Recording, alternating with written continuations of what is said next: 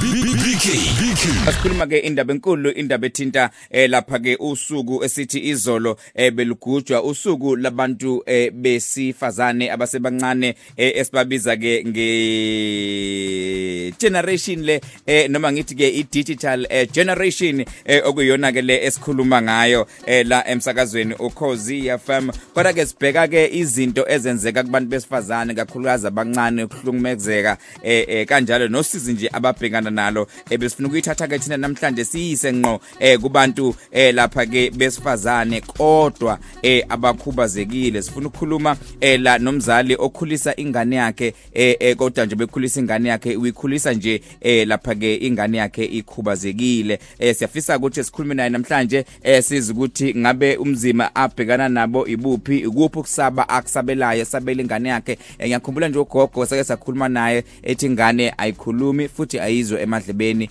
and yacisha yadlwengulwa and futhi ngisho ukudlwengulwa kwayo kokuba bhlungu ngoba yayokhala kuzwe bani ngoba ayikwazi ngisho eh ukukhuluma khona ke uma mkhwanazi eh la go line eh ma ma asikubingelele sikwamukele emsakazweni ukhozi FM Yebo sabona njani? ngiyaphila ma uyaphila wena Yebo ngiyaphila. Awusiyaphila siyaphila siqale sibonge nje eh ithuba lokuthi uvume ukuthi uzokhuluma nathi eh la eh ngodaba elithinta eh eh, eh, indodakazi yakho. Mhlawumbe siqala usiphe nyaka yakho uthi kuneminyaka emingaki? Uneminyaka ewu15. Minyaka- minyaka u15 Yebo minyaka 15. And umuntu engafuna ukubheka ukuthi masikhuluma ngohlobo lokukhubazeka singathi ukhubazeke kanjani and nokuthi indlela azalwe vele en- enjalo mhlawumbe into emehlele esezaliwe Umntwana ogulile eno eno 7 months ezelwe wagula mayigula mangiye esibhedlela kathiwa esibhedlela uphethe i-TB yekhanda. Because bese phethe i-TB yekhanda bathi bamdrain amanzi. Emva kwalokho bemdrain amanzi admitha kwakuMay 14 ngaleso sikhathi sahlala kwawuMay kwawuJune kwathi kwathi July 17 basithatha basithatha esibhedlela 2017 bese siphuma kasathiwa umntwana ose-disability osekumele ahole imali yabantu abadala. Hawu kanjani ngoba umntwana ubesehlala? Yonke into nje eziwe abanye abantwana. Emva sesiphumile esibhedlela kwawumntwana ukuthi izinto zakhe sezahlezi sasezizoqala ugaqa esena-three years. Sesiqala ugaqa wakhe esena-three years hayi ngihlale ngihlale nayo sigijima isize hambe isize uthe may suka le nto uyavumbuka futhi two thousand and fourteen sekhala ngezinto ezimgijima ekhanda bese esibhedlela kwatholakala ukuthi kusho la manzi lawa asekhanda awa- awaphelanga kahle hle. Iwona lawa ngathi sengathi wona ademesha ubuchopho bakhe. Emva lokho bekumntwana kade ezwa sesiwa lapha akasezwa noma uthi ngaphansi kwey'nyawo komntwana usephindela ngasephindela emuva ekuzaleni kwakhe sesebenzisa inakeni uphilelwa nayimizwa akasezwa. Angahlali nomntwana kanjalo sibe ibhedlela silala ibhedlela kwayinto nje usephila ngaphansi kwayo waqala uhamba wahamba ngenduku. Ama-crushes ama-walking frame induku ezama-walking frame. Kusema-walking frame uhamba ngey'cathulo eziney'nsimbi. Sesesesiwa lapho kwaphela imizwa straight kathiwa kumele aphindele emuva ahlale kwi-wheelchair. Lapho semesehlala kwi-wheelchair ke sesiphoqa ukuthi nenathi yemisi umntwana osevisi yazi mangizama ukuyibuka lento and ngendlela oyichaza ngayo ngoba bengithi ngifuna ukubheka ukuthi eh eh, ngabe umntwana oyayo yini esikoleni eh mhlawumbe wakwazi ukuthi umtholele ukuthi esikoleni. Kodwa ngizindlela okuchaza ngayo kuba sengathi ukumkhulisa eh kumbe nokuthi aye esikoleni akuyona into elule mhlawumbe wakwazi ukumisa esikoleni? Ngizamile. Ngizamile ukumusa esikoleni. Khona isikole sesikhothi kuthiwa izama ukuhle izama ukuhle esikhothi la kasibodwa khona. Esikoleni lapho kasibodwa khona wahlala khona wefunela unkosikazi kababa. Ngokuthi unkosikazi kababa wayiphoyisa nase ngihlubekelile mina ukuzifunela. So unkosikazi kababa wahamba kwangifunela khona sithole uthi amasehlala khona umntwana kwawunokuthi udoko unesi wabo ngaphansi esikoleni se-retire esikoleni kwalikwaze omunye unesi bese sokuthi lowo nesi abambisa leso sikhathi wengakwazi ukuxelela abantwana ukuthi umntwana ethatha i-treatment ngaleso sikhathi funa amnikeze ngaleso ngaleso sikhathi umntwana. Kwathi kwanomhlukumeza kwathi ukhuluma kakhulu ugada kakhulu umntwana oyazi i-indication yakho ukuthi uthatha ngubani yonke into uyenza ngubani mm ngithome ngomlanda ngithi ngiyakuyena ngelanga ngiyamfica umntwana abasamgqugquze ukuthi ahambe ahambe nge-walking frame usenokuthi ahambe nge-wheelchair hawu kanjani na ngibuze ukuthi kanjani because asexabisana nomama wakhona emadomu kwawukuthi ukhiphe ukhiphe igama elibi ngomntwana ukuthi ngoba ukhuluma kakhulu ngizosola bathi hayi okay ke sifane ukuthi ngisho nomntana ngcono ngimthathe mina-ke ngihambe naye ngohlala ekhaya. Hayi bahlala nomntwana la ekhaya mhlawumbe isikhathi ngangonyawo two years uma wakhuluma nomunye umngane wakhe owumemu bekhuluma nalo mngane wakhe owumemu awufonele khona la ngasekhaya futhi. Kuyibanga nje ku-thirty minutes usufikho esikoleni i-driver yakhona esikoleni sazi isikole intokozweni. Mefunde entokozweni umntwana yibe nenkinga futhi lalapho no-driver udriver azakhipha amagama okuthi le nto ayenza ukuthi athi umntanami ukenzela ifavor umntwana mezoya kwifizo la esibhedlela esila ngasekhaya enkambini mezoya khona umntwana mengazi uzomusa ngolesibili sonto lonke akayo esikoleni akasezi ukuzomlanda indaba yakhona ikhulunywe ngihambe ngesikoleni ngihambe noma uma wesaphila-ke ngihambe noma kuwa ngathi iyakhulunywa indaba iphelele kanjalo. Okay umntwana ahlale kanjalo esikoleni angasayi into engangihlele ngizibuza yona uthisha omkhulu wesikole ukhona uyazi ukuthi kunomntwana oripothayo ukuthi unenkinga no-drive. Ukilasithisha wakhe. Uthini umntwana mesembone no-two days three days engavuka esikoleni kungani mina bengabuyeli mina njengomzali-ke ngaripotha kanjalo? Ngahlala kanjalo-ke nomntwana-ke because-ke usukwavuka indaba yama-social worker manje nje ngoba wona-ke aseyafuna ukuthi abuyele. Okay nawo ngiyawabuza ukuthi ngithi umntana makahambe leso sikole ekusekusona udrive bese phinda imnisela ngenze njalo? Okay-ke social worker ngiyakuzwa uyakhuluma? Uthisha omkhulu. Usuyini kuyena uthisha omkhulu okhuluma naye? Amehlo namehlo phela njengomsebenzi wakho. Bangitshela yonke into beyikhuluma over the phone. Mm. angazi-ke mina lapho ngibe ngimbuza ukuthi mayiphinda-ke emhlupha umntwana njengoba nithi izinto ngizikhuluma ngefoni.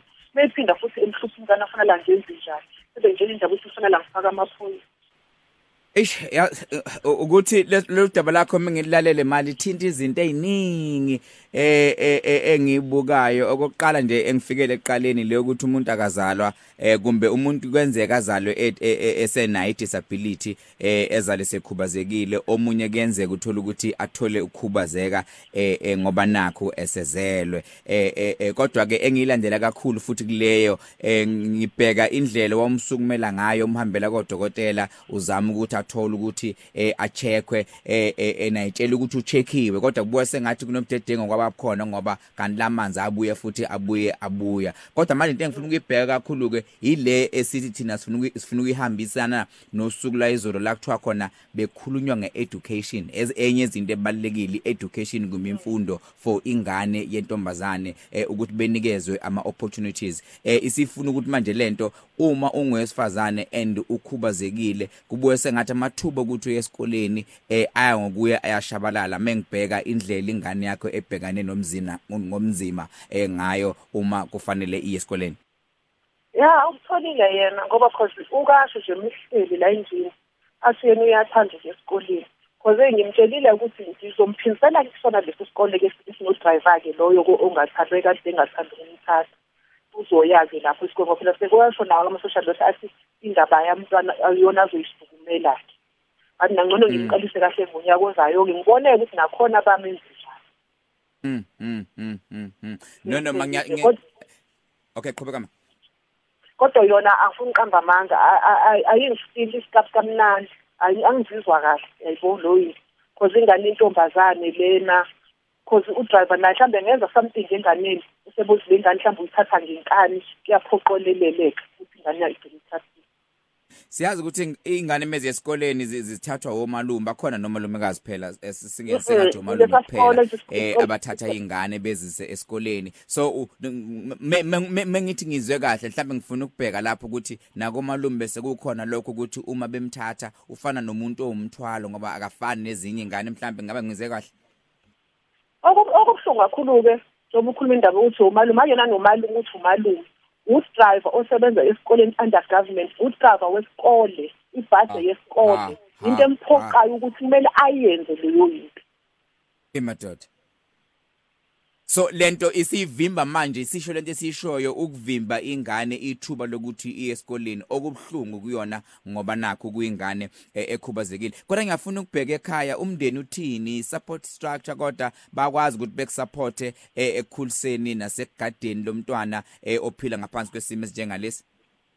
Eh yes ngabe ngiqamba manga ngiyashona ngishona lo ma 2015 so uzakwashona kwamanje izinto stress zonke sasizasi izinto zonke nje kahle hle sebheke mina imali yakhe iyona yonke enza yonke into nje nenhlala yinhle nokufukwa nokugxoshwa. Kuningi kuningi kwenzeka nje yonke into fast uzofisa nokuthi ngcono uthi uyathutha uma uyathutha uzophuma uvekile ayikho nje angeke ngiqamba amanga ngithende ngithi cha ngihleli kahle nomntwana cha. Uyimini uyimini and ngithu imali yakhe imali yakhe emefika ngaleso sikhathi umntwana ugqoka amanapukeni funa ngazi kahle ukuthi khipho 80 rand abawu4 abawu6 senza amanapukeni funa ngithenga ukudla funa ngidlala umasingcwabisane naye funa kuba umntwana engimjabulisa ngalowo something imeholi ngifuna lo into athi uyayicela ngaleso sikhathi so umuthi uyayibala le mali le ayikho.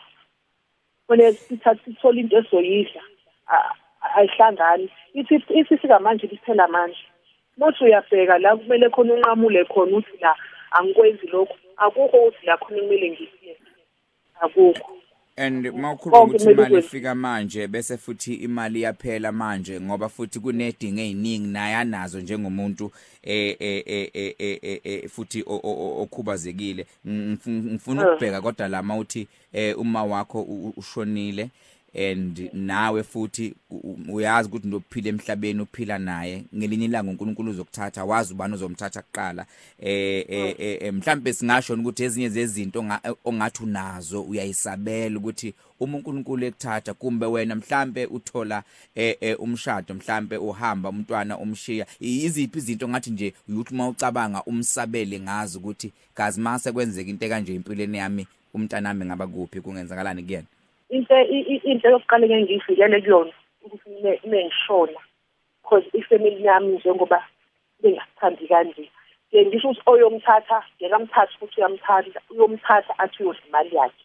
Ufuna ukwenza idingo za izi imali umntwana engasazenza idingo mina lezi ade ngizenza ngomntwana yebo loyi futhi into engeke ngisho ukuthi engeke ngishise ngizizo yami yokuthi mekuthi uNkulunkulu uthatha mina kuqala bebe bona sebenomphemo wabo obowazi ukuthi nanku umthetho usawushiye uma hayi njenganami uma mina wangishiya kumalume lapho la ngihlumezeka khona kumalume so lo nto angifuni uqamba manje ngisho ukuthi mhlambe ngingaqoka ngivuthe ngithi umntanami ngoba akekho ngingathi uyamthanda. No yes. Ngoba khona la kwakwavela khona la kwefamily khona ngangiyeke khona nje ngosulu usizo because kwangena ikholi kathiwa kuthiwa umntanami nokuthi adle ukudla. Umuntu umntana bengathiwa bayamphakela nje ukuthi ngokuthi lokho kudla ngathiwa yinja. Eish. Ey no. Ngicabanga ukuthi uthanda kubanzima kakhulu ke leyo and futhi yenza ukuthi nawe eh umama nawe uzizwe eh ukhubazekile. Mangase ngisenza amagama njengala ngoba awusakwazi ukuphila impilo yakho nawe. Impilo yakho yonke usukuthathe wayibeka kulomntwana and uzama ukumzamela eh impilo engcono. Kodwa ngaso sonke isikhathi mawulokhu uchaza ngilokhu ngibona inkinga ziye ngokuya iqhubeka zikwenza kube nzima ukuthi uqhubeke ube umzali eh, eh kulomntwana ngendlela okuyiyona yona. Kakhulukazi mesikhuluma futhi nange support structure lesingathi uyayidinga. Mhlawumbe umuntu engafuna ukubuza ukuthi abantu abangathandi ukukusiza abanye mhlawumbe ongenza ukuthi banenkinga efana neyakho mhlawumbe bane group thizeni abakwazi ukuthi eh bekhulume bengabazali eh abakhulisa izingane eh nazo futhi ezikhubazeke mhlawumbe njengomntwana wakho nje ubukhuluma noma olunye nje uhlobo lokukhubazeka ikuphi la bangaxhumana khona nawe? Achuma khona nami iyona nje le number yami iyona number mngeni nayo kuphela eh ngicela ngicela siyibize ma eh singayigijimisi siyibize nje kahle khona bezoyiza okay 079 079 eh 610 610 84 34 96 96 yes. Cela siphinde futhi. 079 079 610 610 84 34 96 96 yes. Mamkhonazi Mandonga siyabonga kakhulu isikhathi sakhe emsakazweni ukhozi FM uNkulunkulu akupha amandla eh uthi uNkulunkulu ngakulinga ongaphezulu kwamandla akho. uNkulunkulu namanje njengoba usekhona usamile use strong usewumama eh, enganeni yakhe ekudinga usuku nosuku ingoba kuthiwa akuthweso ongaphezulu kwamandla. Siyabonga kakhulu ukuthi futhi ube nesibindi sokuzokhuluma nathi labaningi abafundile ngodaba lwakho nomntwana wakho yes ngiyabonga kakhulu nami Alright sibonga kakhulu emsakazweni ukhozi FM umama ela umama Mkhonaze ekhuluma ngodaba lengane yakhe. Athi kwaqala nje kuyinto encane angazi isho ukuthini lento eh, ukubaluleka ukuthatha ingane sizise eh, kodokotela icheckwe ingakho nomuntu ekhulelwe ingane khona odokotela abakwazi ukutshela ingane eseseswini ukuthi lengane mayifika emhlabeni buwa sengathi kunento ekhona engenzeka kuyona eh, eh, ingakafiki ngisho ukufika.